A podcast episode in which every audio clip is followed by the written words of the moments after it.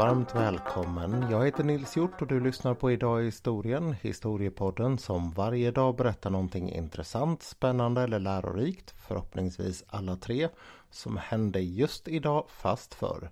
Dagens avsnitt tar oss med till Washington DC och året är 1939. Den scen som utspelar sig här är idag på just en scen. Det är vid Lincoln Memorial och eh, på de nedre trappstegen där så står det en flygel framställd.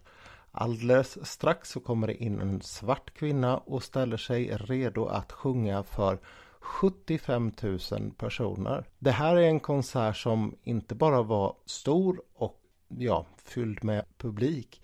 Utan stor i meningen att den spelade en väldigt stor roll i USA. Och vi ska titta lite på vem hon var som sjöng och varför den här konserten spelade så stor roll. Sångerskan hette Marian Anderson och kom ursprungligen från Philadelphia. Hon var vid tillfället 42 år gammal vilket betyder att hon var född 1897. Hennes far hade sålt is och eh, kol på stationen i Philadelphia.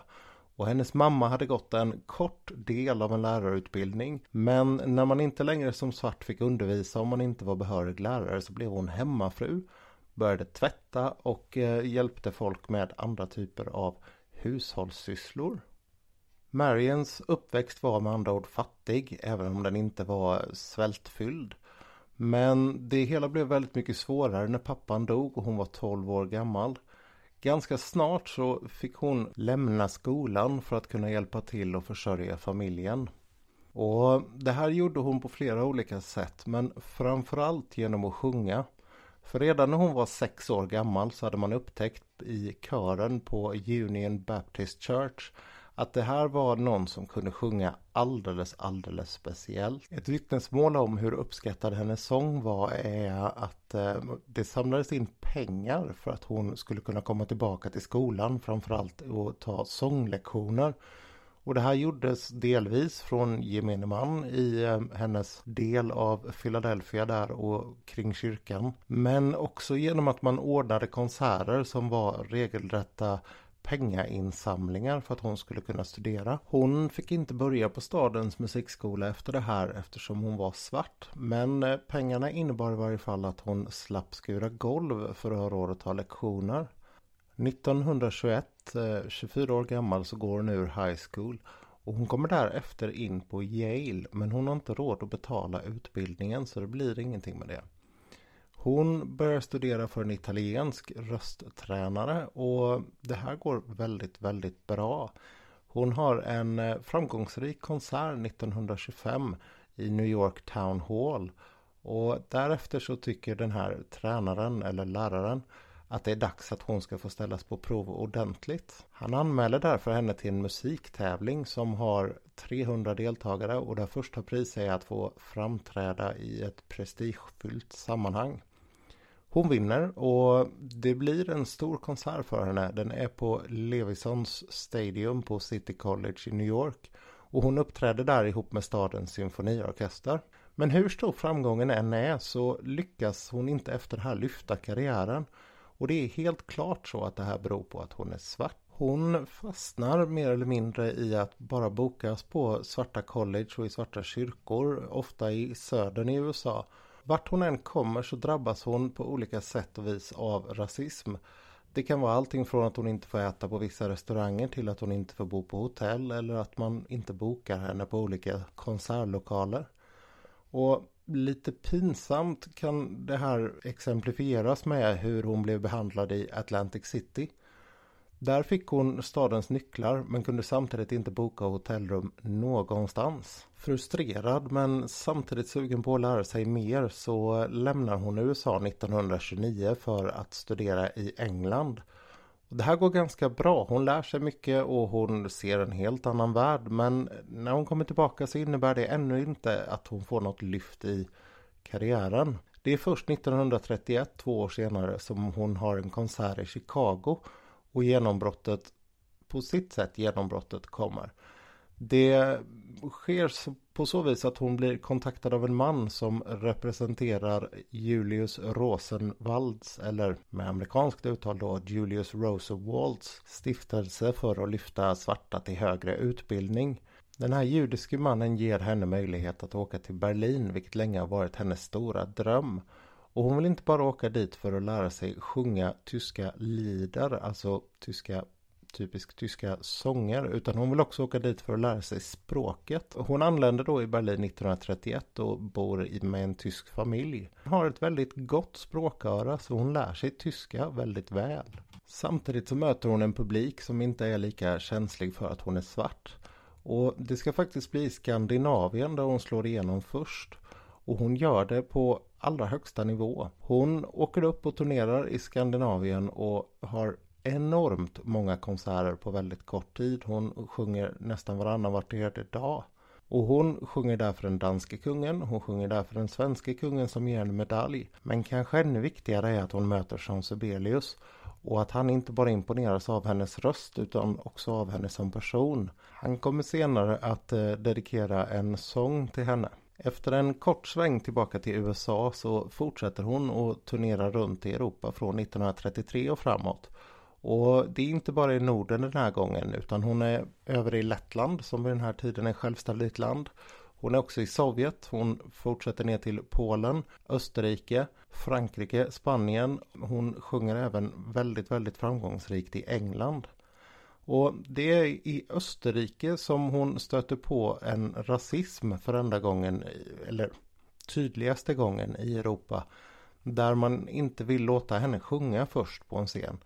Men man ändrar sig och går sedan med på det och det här leder till en av hennes kanske viktigaste komplimanger. För i publiken så sitter den vid den här tiden största dirigenten i världen, Arturo Toscanini. Och han säger att eh, han rusar till och med fram till henne efter konserten och säger att det här är en röst som man bara hör en gång per sekel. Och det är ungefär så som resten av Europa uppfattar henne också. Hon blir enormt stor. När hon kommer till Paris, eh, antingen sent 1934 eller tidigt 1935, så presenterar eh, pianisten Arthur Rubinstein henne för en bokare, bokningsagent och manager som heter Sol Horuk. Han är ursprungligen från Ryssland, jude som har utvandrat till USA och han kommer att spela en enormt stor roll i hennes liv. Varför jag betonar att han och eh, några tidigare personer är judar är därför att de spelar en väldigt stor roll för henne. Både i början och sent i karriären. Det är intressant faktiskt att det är just så. Därför det fanns eh, vid den här tiden en eh, koppling mellan judiska och svarta minoriteter i USA. Nåväl, Sol. Han övertygar henne om att det är dags att åka tillbaka till USA och uppträda och hon är ganska motvillig. Och det blir inte bättre av att hon på vägen tillbaka på båten faller och eh, bryter foten. Men när hon kommer tillbaka till USA så ordnas det hela med att hon har en väldigt lång klänning på sig som täcker gipset. Och hon är återigen tillbaka första konserten i New York Town Hall där hon första gången uppträdde i eh, världsstaden New York. Konserten blir en stormsuccé. Hon hyllas som den nya översteprästinnan för sång. Det är ett referat och ett annat är att man säger rätt och slätt i New York Times att hon är en av de största av vår tid. För eh, Marion och Sol så innebär det här att det är långt ifrån bara 15 konserter som man ursprungligen har tänkt sig. Utan han fortsätter att vara manager för henne de kommande 30 åren, resten av hennes karriär. Han gör henne till en superstjärna i USA också. Och under sent 30-tal så slår hon världsrekord i den längsta turnén. Hon far 4200 mil på ett år. Och hon uppträder där fortfarande med tempot varannan var tredje dag. Och drar in fruktansvärt mycket pengar. Hon är den bäst betalda artisten i USA på sent 30-tal. Det tydligaste tecknet på hur efterfrågad hon är kanske ändå är att hon är uppbokad i två år framöver vid den här tiden. 1936, ett år senare, så har hon den enda konserten i sitt liv som hon hade scenskräck inför, menar hon. Och det var när hon uppträdde som första svarta person i Vita huset. Det är då Franklin Delano Roosevelt som är president. Och hans fru är ett särskilt stort fan av Marian. Det som gör Marian så speciell sägs det, det är att hon var så pass språkligt skicklig och att hon samtidigt kunde skapa den speciella stämning som skulle finnas kring varje låt. Vid den här tiden så kan hon, eller har en repertoar på ungefär 200 låtar på nio olika språk. Och hon blandar dem gärna under samma konsert. Så hon kan sjunga allting från Sibelius till Haydn och Händel med svarta spirituals instoppade här och där. Och det ger en ganska tydlig särprägel åt hennes konserter. Men sen så måste vi ju landa i händelsen som var på dagens datum 1939. Och det börjar med att Sol försöker boka in henne i Washington DC. Han vänder sig till Constitution Hall, den eh, lokal där man oftast har konserter av den här typen och storleken. Det är en väldigt stor konsertlokal med plats för 3702 sittande och ungefär 250 personer till i loger. Presidenten har för övrigt en egen där.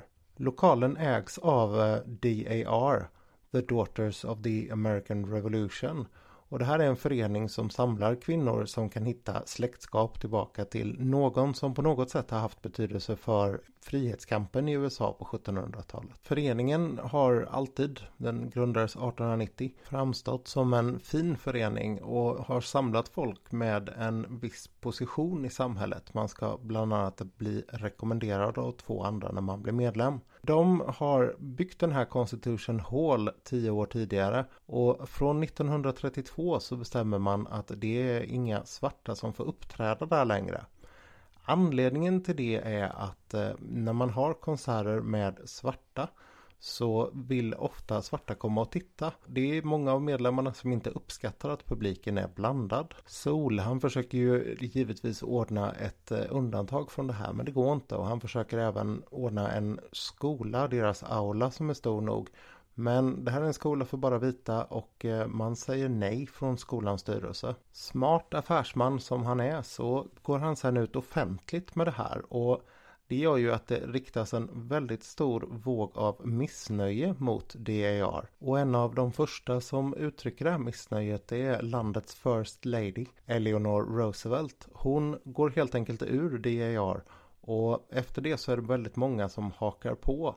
Det här ger ju naturligtvis en enorm publicitet. Vi ska komma ihåg att DAR ännu idag har omkring en miljon medlemmar vilket betyder att det åtminstone på östkusten finns ner i minsta lilla stad en eh, lokal klubb. Sol han ordnar vid det här laget en eh, stor utomhuskonsert ihop med Part Roosevelt och det är den konserten som är på dagens datum 1939.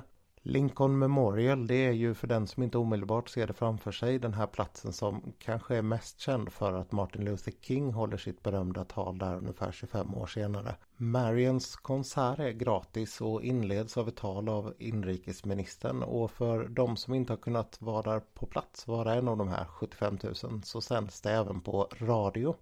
Och det räknas i miljoner antalet lyssnare där. För den som vill höra hur det lät så finns faktiskt hela konserten inspelad. Och har man någon av de vanligare streamingtjänsterna så finns nog skivan där. För mig som normalt inte lyssnar på den här sortens musik så har det varit en liten resa att lyssna på det här medan jag har suttit och läst idag. Men jag måste säga att det växer på en ganska mycket faktiskt.